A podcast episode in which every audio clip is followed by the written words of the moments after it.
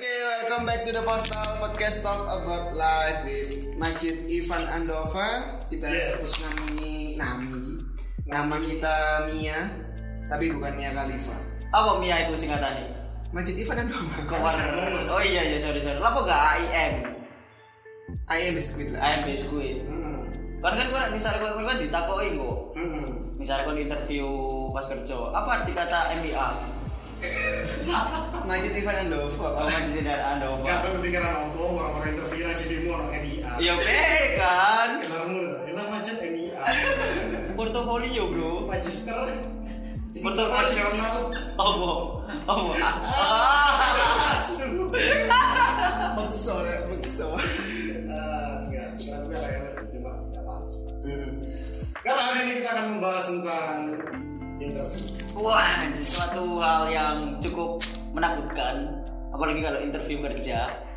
Inter itu rokok. Iya, View itu melihat. melihat berarti Melihat. melihat melihat pemandangan rokok. Oke, kita lanjut.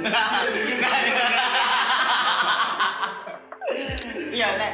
Ngomong-ngomong interview, kita kan udah pernah interview pasti. Interview atau menginterview orang lah. Contoh di podcast, kita punya segmen sendiri-sendiri. Iya. Kita pernah menginterview orang dan kita juga pernah diundang di podcast teman kita atau di podcastnya siapa lu yang waktu itu namanya yang cewek itu lu Yang cewek. yang cewek yang pertama kali bikin podcast Ella. bukan yang satu teman Oh, kantormu teman kantor. Oh. Ah, ada namanya Via. Via Oh iya. Iya, itu. Dia cerita soalnya. Ya, episode perdana sama aku dan itu juga episode terakhirnya dia. Yo eman kan Iya. Tapi kan kalau interview kan biasanya ada itu kan keringat dingin. Kali ini kita ngomong interview dulu ya. Kita ngomong interview dulu. Gua tak pikir nyambungin kita bahas keringet dingin. Oh, enggak, enggak. Ini enggak. kita bahas interview kerja kan. Terserah interview kerja atau Oh. kita melakukan interview a- apa pun yang kita melakukan interview, bukan yang kita di interview. Oh gitu. Eh, ya apa ya? Kita Yang melakukan interview. Kita yang menginterview atau yang kita diinterview? kita yang di interview dulu. Kita yang diinterview dulu. Oke. Interview itu gunanya apa sih sebenarnya? Interview. Nah, kalau dikerjakan biasanya HRD menginterview kita untuk melihat portofolio kita atau profil kita. Apakah anak ini proper untuk bekerja di sini atau enggak? Biasanya. Sebenarnya sih awalnya karena Oh iya, HRD, mantan HRD. Eh, HRD itu lah kuno men. Apa, apa? Human capital. Human capital. Benar, benar, benar. Jarang loh. Advance. Karena interview terjadi itu karena ada kebutuhan pegawai ya sebenarnya. Iya. Rekrutmen. Rekrutmen. Benar, benar, benar. Akhirnya terjadi. Coba asal usul interview itu dari nah, tahun kapan? Kenapa kerja soal interview? Jadi itu ceritanya waktu tahun 2025. Eh, Dulu, dulu, dulu. Dulu 2025 sebelum masehi. sebelum masih bener. Ah, ah, jadi Fir'aun itu kayak open recruitment gitu loh. Benar. Fir'aun open recruitment, terus dia pengen Buat kusirnya itu. ah bukan. Bukan. Oh enggak sih, Enggak. kusirnya orang vendor kalau nggak salah. Iya. Mas Andi sebagai. Nah ini yang Oh, Aku gak ngerti, aku bener mandiri sali.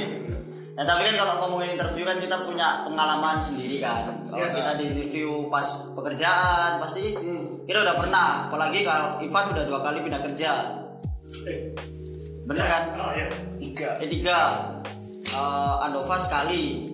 Belum, belum pernah pindah. Belum pernah pindah ya? Ah, belum pernah pindah. Interview tapi pernah dulu di Rewet. Oh iya, remai remai. Jadi alhamdulillah semua interview gue lolos semua. Udah semua alhamdulillah. Terus aku interview, ya bolak balik sih, bolak balik pindah kerja ya kan. Ya. Tapi kadang interview itu kalau sebagai orang yang dari mantan human capital, mantan human capital. Sekarang ada mantan dan yang human capital sekarang. Ah, human capital sekarang.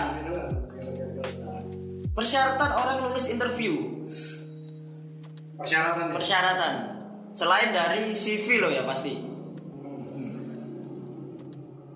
apa sih? Yo, ya apa? Aku tanya, aku tanya. Ah, mungkin lebih ke apa yang dibutuhkan biar bisa lolos gitu. Terus Hmm. teknik interview gitu.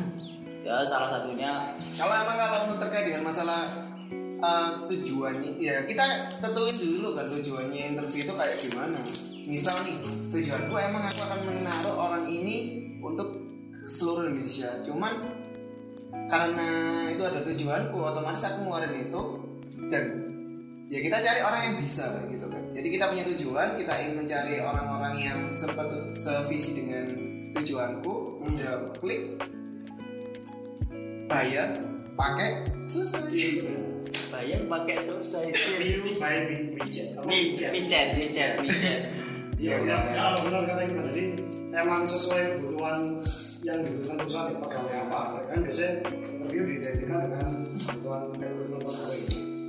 Nah, yang dibutuhkan apa nih? Misal dari Iqbal, ini kita cari orang yang siap untuk dikirim ke luar pulau atau luar kota. Nah, kita ya interview sama kita sambil tanya juga nah, apakah orang ini cocok apa enggak gitu kan. Pertama itu kita nentuin objektifnya orang ini ya, kayak rumusnya ini kan MSD manajemen sumber daya manusia the right man the right place Hmm. nah itu terus setelah ini kalau ini ya kita sharing-sharing sebagai bukan sebagai aku sang mantan human capital atau sang Ethan sebagai human capital sekarang tapi sharing santai aja. Tips and yang pernah kita lalui dan itu alhamdulillah berhasil. Kalau aku dulu ya lagi persiapan yang pertama mungkin uh, kamu mau lamar di mana? Ini bagi bukan bagi perusahaan ya bagi orang yang mau melamar kamu ngelamar di mana bisa perbankan. Sektor yang apa perbankan oke.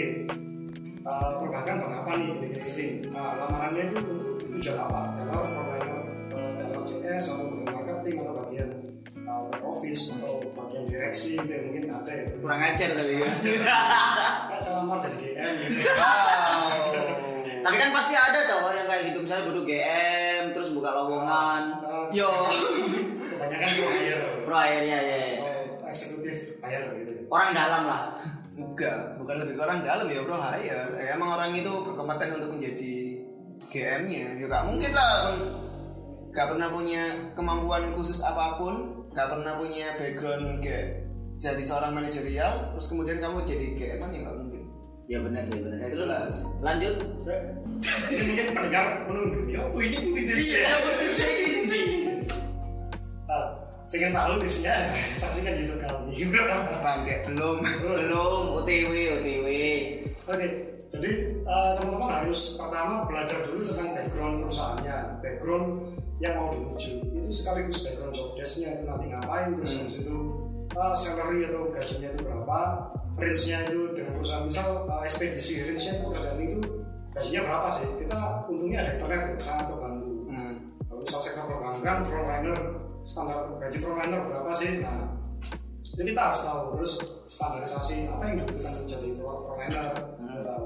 Ini aku bicara terlepas kebutuhan dari CV ya, kayak ketinggi badan dan sebagainya. Karena kita udah lolos. tes physically Ah, sorry sorry tinggi badan tapi dudingnya nang aku loh nunjukin nang aku kan aku tangan lima kan udah.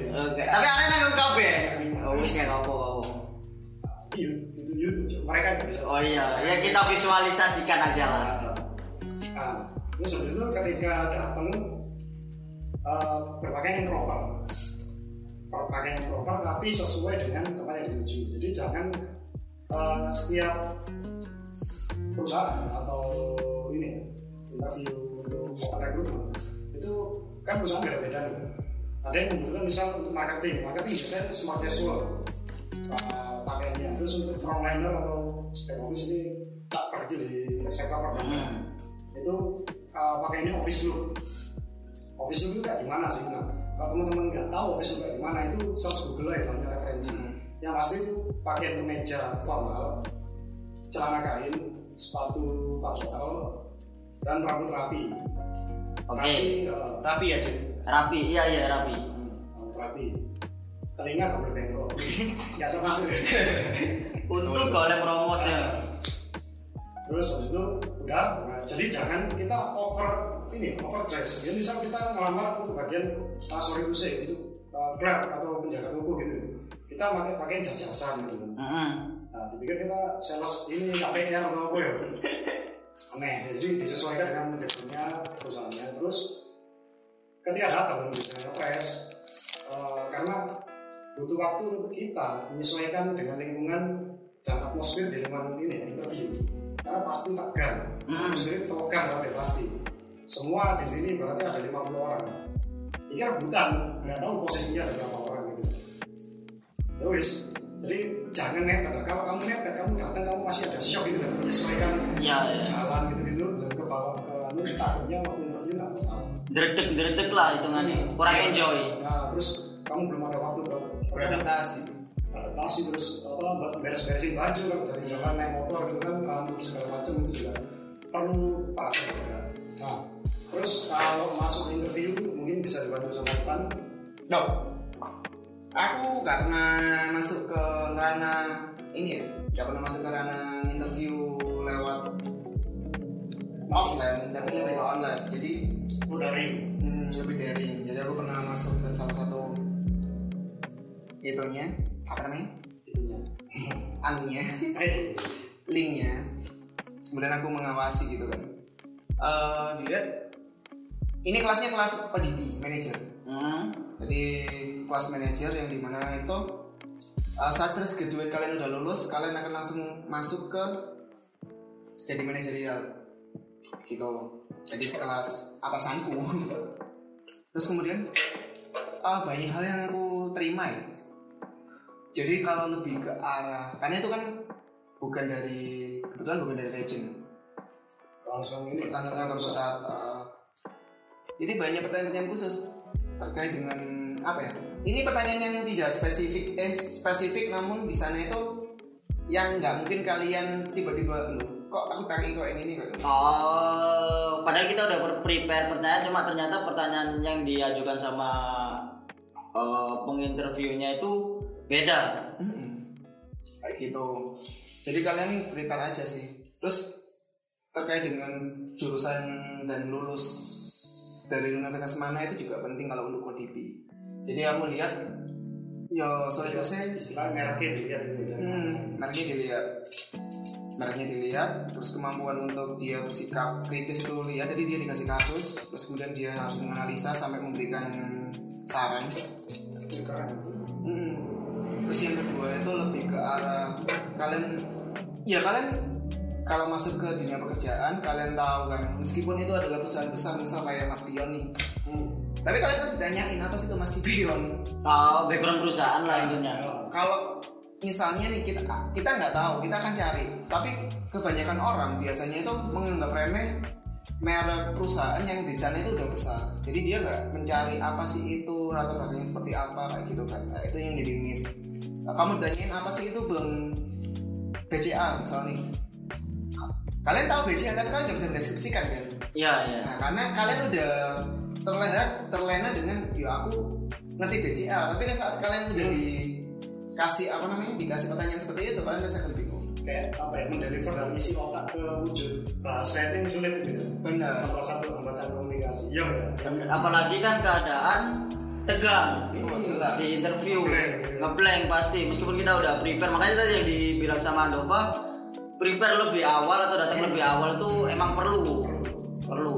Tapi berarti selama ini kalian pas proses interview lancar ya? Lancar pas interview pekerjaan mulai kayak anggaplah sidang sidang skripsi terus pekerjaan. Kan sempat ada interview kan? Oke tanya jawab sudah Nah, tanya jawab. Itu berarti kalian aman ya? Maksudnya secara pertanyaan bisa kalian jawab secara mudah, terus jawabannya cukup memuaskan juga bagi penginterviewnya. Oh, kalau pemuasan sama enggak, ya jelas kalau kita diterima jawaban kita puas, Memuaskan. memuaskan Memuaskan ya. dibanding yang lain ya. Dibanding yang lain. yang lain. Ah, Oke. Tapi pertanyaan-pertanyaan khusus, pertanyaan-pertanyaan yang normal biasanya ya. Saat aku kan udah empat kali interview, pertanyaan yang jelas pasti keluar itu Maruf. Mas si Joko tak mas? udah pernah ngapain? Apa pertanyaan yang biasa nih? normal ya kalian pasti akan jelaskan eh, jelaskan diri kalian Oh iya iya iya. Simple but tricky. Hmm. This question is simple but tricky. Menceritakan tentang diri lah ya. Iya. kalian cerita kayak gimana ya itu kalian harus konsep biasanya sih emang kayak seperti itu aku tiga kali sih eh dua kali dua kali di kalau di di kantorku dulu sama yang sekarang sama-sama kejadian seperti itu Terus apa lagi? Gaji pasti kan ya gaji. gaji terakhir Gaji terakhir. gaji terakhir terus yang kedua itu hmm, yang pasti keluar itu adalah ke- kelebihan dan kekurangan Ya itu kelebihan dan kekurangan. Nah itu aku dikasih tips sama temenku. Yang siapa itu namanya? Rizky Anwar Jelas. Mantan human capital. Mantan. ya kan Terus setelah itu, soalnya kan di perusahaan biasanya juga beda-beda sih. Kalau tadi apa? Terus yang ketiga? Aku yang ketiga. Oh, eh, Sih. jawab, jawaban dulu Yang dua ini. Kelemahan- oh kalau bagi lebih yang apa ya diharapkan interviewer itu jawaban seperti apa sih Ya silakan dong. Hmm. Kayak kamu ngasih tahu aku. Ini ini secara objektif ya teman-teman, eh subjektif karena ini kan personal personal. Ya ketika interview itu ada beberapa panelis nggak bisa tunggal ya, kecuali yang urgent. Seharusnya emang ada beberapa panelis karena berbagai persepsi kan beda menyimpulkan seseorang. Nah kalau yang aku eh, kalau yang aku ini ya, aku lihat kalau aku lagi interview orang, misal kelebihan masalah kelebihan kekurangan, aku ingin mereka jawab kelebihan kekurangannya itu simpel, jujur, tapi jangan yang istilahnya jangan jadi bumerang atau pisau bermata dua. Hmm. Contoh nih, aku ini misal omongannya untuk akuntan gitu. Kalau kalau kamu apa? Aku ini kurang teliti. Loh, ya lesson Loh, loh. nggak bisa Kita kurang teliti ya iya iya iya. soal untuk marketing aku ini ini mas orangnya pemalu oh ya bapaknya loh mbak mbak kayak gitu itu yang memang itu mungkin jujur dari kita. Tapi kita harus sesuai juga nih lawan pekerjaan ini sampai ke kita harus dicocok-cocokin lah Ah, Nah, jawaban yang aman itu apa sih? Nah, jawaban yang aman mungkin teman-teman bisa nyari kalau kelebihan teman-teman mungkin dari luar kepala lah bisa nyari sendiri. Kalau kekurangan ini timsku itu kalian cari kelemahan yang simple buat you atau yourself tapi jangan yang membunuh diri kalian. Contoh hmm. aku ini orangnya itu sering lupa gitu. tapi ada solusi di sana. Aku pelupa tapi itu kenapa? Aku selalu nulis catatan-catatan. Aku punya catatan- catatan-catatan di mana itu akan bantu aku. Terus aku lagi sekarang lagi kurang di bahasa Inggris. Nah tapi aku sekarang lagi ikut kursus untuk Lebih menguasai, ya. untuk juga lihat YouTube how to speaking English dan sebagainya. Jadi di mana ada masalah di situ di situ ada solusinya Oke oke. kalau aku sih dulu jawaban itu jawaban jawaban aman kalau aku mungkin aku terlalu suka menghabiskan waktu dengan nongkrong sampai malam akhirnya begadang apa uh, tapi emang tujuannya itu ke arah produktif ya memang dia bahas project atau apa gitu yang bikin kita Jadi nilai plus lah. uh, kalau ada minusnya ada plusnya Hmm. Uh, minusku juga uh, keseringan main game tapi aku ada timer di HP jadi kalau misal standby handphone lebih dari 4 jam itu ada remindernya Si ada. ada emang Oh iya. uh, Nore HP-nya nah berarti kan itu masuk kelebihan ke- kekurangan. Terus yang ketiga? Yang ketiga itu biasanya ditanyain ya masalah gaji. Jadi Baik. pendekatan Dova. Jadi sebelum kamu masuk ke masukin lamaran, kalian harus tahu dulu sih gaji ini berapa. Terus Observasi jadi- lah. Ya, jelas. Soalnya kalian nanti akan ya kalau ka- gaji kalian di bawah UMR gimana? Nah itu selalu ada pertanyaan kayak gitu. Atau pasti. kalau nggak gitu kalian mau minta gaji berapa, sesuaiin dong berapa. Hmm. Kalau masnya mau segini, ya kalian kalau mau ya itu. Tapi tetap ada bargaining power, bargaining power ya. Jadi kalian juga punya nilai untuk kalian sendiri. Oke. Jadi kalian tetapin di, nah, tetapin uh, nilai kalian yang kalian harus bayar gaji berapa sama perusahaan. Namun yang tidak over dari yang telah kalian cari-cari info terkait dengan masalah gaji itu. aku ada tips sih jawaban ya salah satu contekan mungkin kalau misalnya aku tanya mau berapa mau gaji berapa mas misalnya aku di bagian uh, ini ya, Marketing lah, marketing lah. marketing gitu oh cocok marketing sulit karena ada insentif di Oh iya iya iya iya. fix cost untuk biaya kita Hmm. gaji itu akuntan misalnya bagian keuangan kamu gaji berapa mas iya pak jadi uh, saya juga sudah riset mengenai ini jobdesk ini sebagai akuntan dan sebagainya Nah, kalau di internet sumber saya dari ini itu mengatakan gaji di sekitar range di sekitar range eh, empat setengah sampai lima juta. Namun karena saya masih fresh graduate dan saya belum ada pengalaman, eh, saya ber- bersedia untuk mengikuti aturan perusahaan yang ada. Oke. Jadi, kita itu menentukan nih kita itu ada bargaining power di 4 juta setengah sama 5 juta kita nentuin bahwa kita udah belajar bahwa kita ada background nggak sih sama merta saya ikut perusahaan aja nah itu kayak aduh tapi kerja tak bayar suwun ya apa Ya, iya. Gitu. Tak tapi bayar sambal pecel ya kan? Hmm, jadi nanti balik lagi intinya ke sana kan Hmm. Tetap saya juga ini pak karena saya fresh graduate dan belum uh, minim pengalaman saya bersedia dibayar sesuai standar perusahaan yang berlaku Berarti secara nggak langsung kita menentukan menentukan standar, tapi kita nggak terlalu muluk lah di perusahaan itu. benar pemerintah standar tapi kita juga ikuti ya Kita ngikuti, oke oke oke. Berarti kan itu berarti oh ini contoh aku kan kayak menginterview kalian kali hari ini. Hari ini kayak menginterview kalian. Nah, Nah, itu contoh tadi kita kalau kalian diinterview. Nah, pernah kan kalian pasti meng- menginterview Oh, orang ada empat terakhir. apa? Yang paling- soalnya ada banyak. Dan ini yang paling penting. Yang paling penting itu adalah saat kalian ditanyain ada pertanyaan harus bertanya. harus bertanya. Karena emang itu jadi pertimbangan lah ya, jadi pertimbangan. Soalnya biasanya itu kalau nggak salah menjebak. Iya. Kalau nggak ada pertanyaan, oh berarti Arki paham. Hmm, hari ini atau hari ini nggak ngurus Nggak ngurus. Nggak mau tahu. Ya, pasti kan efeknya di pekerjaan nanti. Oh, Arki salah gak nggak takut takut lebih lebih lanjut. Meskipun pertanyaannya cuma nanti kerja saya jam berapa ya bu ya pak kan nggak masalah kan yang penting pertanyaan jam operasional kritis, kritis. Jadi lebih ke arah kritis.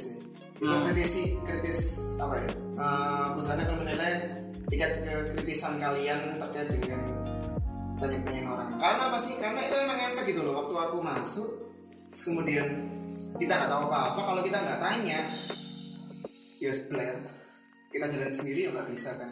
Kayak gitu. Terus aku mau nambahin ini singkat rekap tips-tips interview mungkin teman-teman juga butuh. Ini yang nggak di floor di internet-internet mungkin karena ini sharing pengalaman aja dari bos-bos juga. Hmm. Eh, kalau ini pertama don't stare too much. Jangan melihat atau karena kan di web atau apa artikel itu ngomong kalau kamu harus tatap matanya. Nah aku sering banget interview anak dia tuh eh, sorry itu sih eh, pakai software yang lebih Ah, yes, yes, yes. sampai kayak Itachi mungkin. Itachi apa? Bos saringan niku Kan gede. jadi dia tuh uh, pakai software gede dan dia tuh melototin aku dengan apa ya yo is okay make eye contact. Tapi jangan lebih dari 70% karena arahnya ke creepy oke Karena ya, kalau nggak ngomong ini terus ya udah. Tapi ya dulu terus gini. Mulai, oh iya. Bener-bener gitu. hari ini nantang dari ini Ah, juga kayak, ah, Ah. Benar itu menunjukkan antusias dan semangat kita tapi jangan berlebihan. Maksimal 70 persen lah. Hmm. Kayak nggak tahu cara cara umur kalian gimana. Terus don't smile too much. Jangan senyum terlalu banyak. Memang banyak banyak di tips interview itu Senyum. senyum, senyum, senyum memang bagus. Tapi jangan terlalu banyak. It's kind of creepy ya. Kayak creepy, waduh. Kayaknya kan ngobrol sama wong dan dia itu senyum terus dan sampai motor terus. Padahal kita kasih sebuah case. Kalau kamu di kondisi kayak gitu bagaimana? Eh, kalau saya sedih pak. Motor ada senyum. Creepy kan? Bener-bener. itu terus habis itu gestur diperhatikan uh, gestur tangan badan tegap dan sebagainya itu harus otomatis ya harus paham terus uh, kadang kalau kita ngerogi enggak ini kaki itu kadang gerak-gerak Oh, iya, iya, iya, iya, iya. Itu Benar-benar. kurangin kurangin terus uh, gestur ketika berbicara kita dukung sama ini tangan atau apa gitu Gerakan tangan. Nah, gerakan tangan jadi menunjukkan bahwa ini interaktif oke oke Terus komunikatif. Eh, interview itu sang interviewer itu nggak butuh arek sing bisa jawab pertanyaanku dengan nilai sempurna. Tapi ada bonding di antara kita. Hmm. Kon nyambung apa sih sampai no, aku nyambung apa sih sampai no. Karena biasanya kalau interviewer tingkat user yang mau pakai jasamu, aku butuh arek sing iso kerja ambek aku. bukan ada sing sok keminter Betul. Benar. Jadi ketika kadang orang kalau eh, interview itu terlalu menunjukkan skillnya, terlalu jual diri, tapi dia lupa bahwa "Loh, kita ini nanti kerja bareng. Kayak kamu tunjukin bonding kayak ngobrol enak komunikasi. Oh iya pak. Oh gini gini. Oh betul. Iya iya, iya pak ya gini gini. Jadi ya kita nggak boleh terlalu fokus sama diri kita juga. Kita harus juga pintar diri jual diri kita, tapi juga harus pintar lihat situasi nih. memposisikan lah Nah, posisi positioning. Nah. Uh, terus habis itu, yuk jangan terlalu jujur, itu bahaya juga. Aku pernah interview terus aku tanya kenapa kamu daftar perbankan mas? Iya mas, aku aku itu daftar di Mandiri ini sebenarnya terakhir mas aku daftar. Aku kemarin tuh perusahaan misal aku daftar di Pelindo mas aku nggak lolos gitu. Oh. Kenapa nggak lolos, Mas? Iya iya iya. iya. iya mas saya nggak lolos mungkin nggak tahu ya mas karena mungkin saya pendek atau mungkin karena saya kurang pinter ya mas Sampean jelek mas paling mas.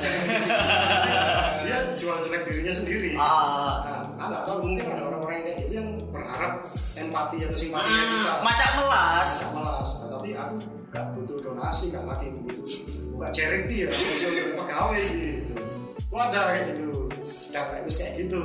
Terus aku wis stop kan nulis lagi tentang Oh, ya wis lah. Nah, Biasanya buka dewe apa tinggal. Iya, wis jujur kan. nah, nah, terus yo sing paling menjebak tadi ketika menceritakan tentang diri sendiri Iya. kamu jangan cerita by CV by CV itu kan kadang saya Rizky Anova Setiawan saya lahir bla bla bla bla. Saya lahir di sini saya tinggal di sini di sini. Saya sekolah gini gini gini gini. Sudah. Sudah mas. Sudah pak. Nah beda lagi kalau aku cerita dengan konsep uh, deskripsi tapi nggak terlalu panjang oke pak jadi saya itu ini saya asli ini pak tapi saya nggak lama di sini saya tinggal di sini terus saya baru pendidikan saya di sini saya pernah ikut uh, organisasi gini gini gini pak gini gini gini jadi ada interview ada ngobrol di antara kita Lebih ke ngobrol bukan ke interview. Dan dia nanti tanya-tanya. Karena kan interview lebih uh, untuk memperkenalkan kita ke perusahaan biar lebih dekat kan hitungannya. Nah itu yang terakhir perusahaan itu nggak nyari orang yang pintar kayak Hmm. Jadi nggak- nyari orang sing nurut kayak ruang kerja tapi nyari orang yang bisa nyaman ya Oke. nyaman untuk diajak kerja sama karena nanti ketika hubungan ini nanti misal jadi bos kita nih bos itu juga nanti pasti butuh uh, saran dari kita masukan dari kita kalau kita tipikal orang yang terlalu nurut bos nggak akan suka Iya. eh pak eh bro gini ya aku ada project gini gini gimana saran nggak nggak ada pak Ya wis. Loh, kalau kamu suka gini mau nggak? Ya saya coba pak, saya mau. Nah, gimana ada saran yang lebih baik nggak? Belum ada pak. Nah, beda lagi kalau misal kita ada saran nih eh, orang-orang yang kritis gitu kan ngasih saran. Oh iya pak, saya bisa gini gini. gini. Itu kan kelihatan, kelihatan dari awal interview itu kelihatan. Itu yang terakhir. Berarti eh, ya emang banyak sih ya tipe-tipe interview. Nah, terus ini kan hitungannya balik lagi. Aku kayak interview kalian. Ya. Nah, pernah nggak kalian menginterview seseorang tapi di luar pekerjaan? Contoh kalian kalau Andova punya Andova Arts, Oh, pasti menginterview orang. Ivan punya Fantasi Fun, itu menginterview orang. Nah, pernah nggak ada pengalaman kayak Reki kok di interview kok? Karena aku pribadi ada episode yang kemarin aku nginterview masalah perang dunia, aku malah kok digurui, bener kan? Kayak digurui. Karena biasanya kalau interview emang kita memberikan pertanyaan, cuman si narasumbernya kita emang nggak bisa nyetop untuk ngomong karena emang kita menginterview. Kecuali kita kalau ada pagar-pagaran gitu. Pernah nggak kan ada pengalaman pengalaman pengalaman kayak ah cuk hari ini kok gini banget sih selama interview atau ngobrol gitu? Eh, ya mungkin itu maksudnya wawancara ya. Nah, yes. Ya wawancara kayak eh, selama se- di segmen itu sih masih belum ada karena masih aku yang bisa take control dan alhamdulillah dalam beberapa episode. Dove As itu kan cuma apa ya eh, on point seperti itu ini zaman ini on point. Eh, kalau yang sampai aku pengalaman yang aneh-aneh itu belum. Tapi kalau misal interview interview dulu itu aku pernah jadi kayak apa ya narasumber. Bukan bukan. Eh, di ekstrakurikuler karena aku alumni. Ah. Untuk jadi ketua. Aku aku interview nih apa beberapa calon-calon kandidat. Banyak yang karena kan kita ketua nih udah bangun. Aku misal ketua. Aku bangun nih eh, ekskulku atau organisasi kayak gini. Terus aku interview calon-calon ketua aku ini. Kok bereset-bereset di sini-sini maksudnya gue nggak nggak sevisi ini ini akhirnya kebawa ke penilaian subjektif. Oke aku kepingin ini ini padahal uh, yang dipingin mereka ya apa yang terbaik bagi mereka juga kan jadi uh, mungkin konflik batin antara yang tak interview sama yang tak pingin gitu sih hmm. Gak tahu nih pak Kalau aku sih sama ya. Jadi uh, untuk fantasi Ivan aku kebetulan ada punya dua narasumber, satu Ella, satu Andova. Karena Ella yang pertama, jadi emang aku agak ganggu. Jadi aku uh, aku tetap bikin on gitu ya, pointer terkait dengan masalah pertanyaan-pertanyaanku dan aku terlalu fokus jadi nggak bisa ngalir dengan sempurna. Kalau sama Andova aku lebih nyaman. Mungkin untuk yang kedua sekaligus dia temanku. Jadi aku untuk interviewnya itu Santai. interview sama sharing uh, Ya kan lebih ke ngobrol kan kalau ke sama Andova. Kalau ke Ella kan emang pure kayak interview aja sih. hmm, Jadi kayak agak-agak kaku gitu. karena untuk yang pertama itu adalah interview pertamaku ya yang di apa namanya? Yang di record kayak gitu. Terus kalau untuk nah ini yang paling ini setuju sih aku sama Nova. Jadi ah, karena saat kita udah jadi seorang ketua kita punya standar kita masing-masing. Nah. terus kemudian saat udah ada kelas kita yang di sana itu kayak ngerasa ya punya standar sendiri sendiri lah ya. Oh, oh. Kita dan kita ngerasa yo ini kurang pas gitu ini kurang pas. Jadi yo gak bisa objektif dan subjektif gitu sih. Kayak Betul batin ya. itu sering aku Tapi meskipun kita nggak interview, kita sering diceritain sesuatu itu dari sering jadi tempat curhat ya. ah, Ya itu, Oh, kan mas- aku. masih berkesinambungan kan. Kita secara nggak langsung interview eh, cuma nanya satu dua hal, tapi si objek bukan objek sih, si narasumber kita bercerita banyak. Itulah spesial kita.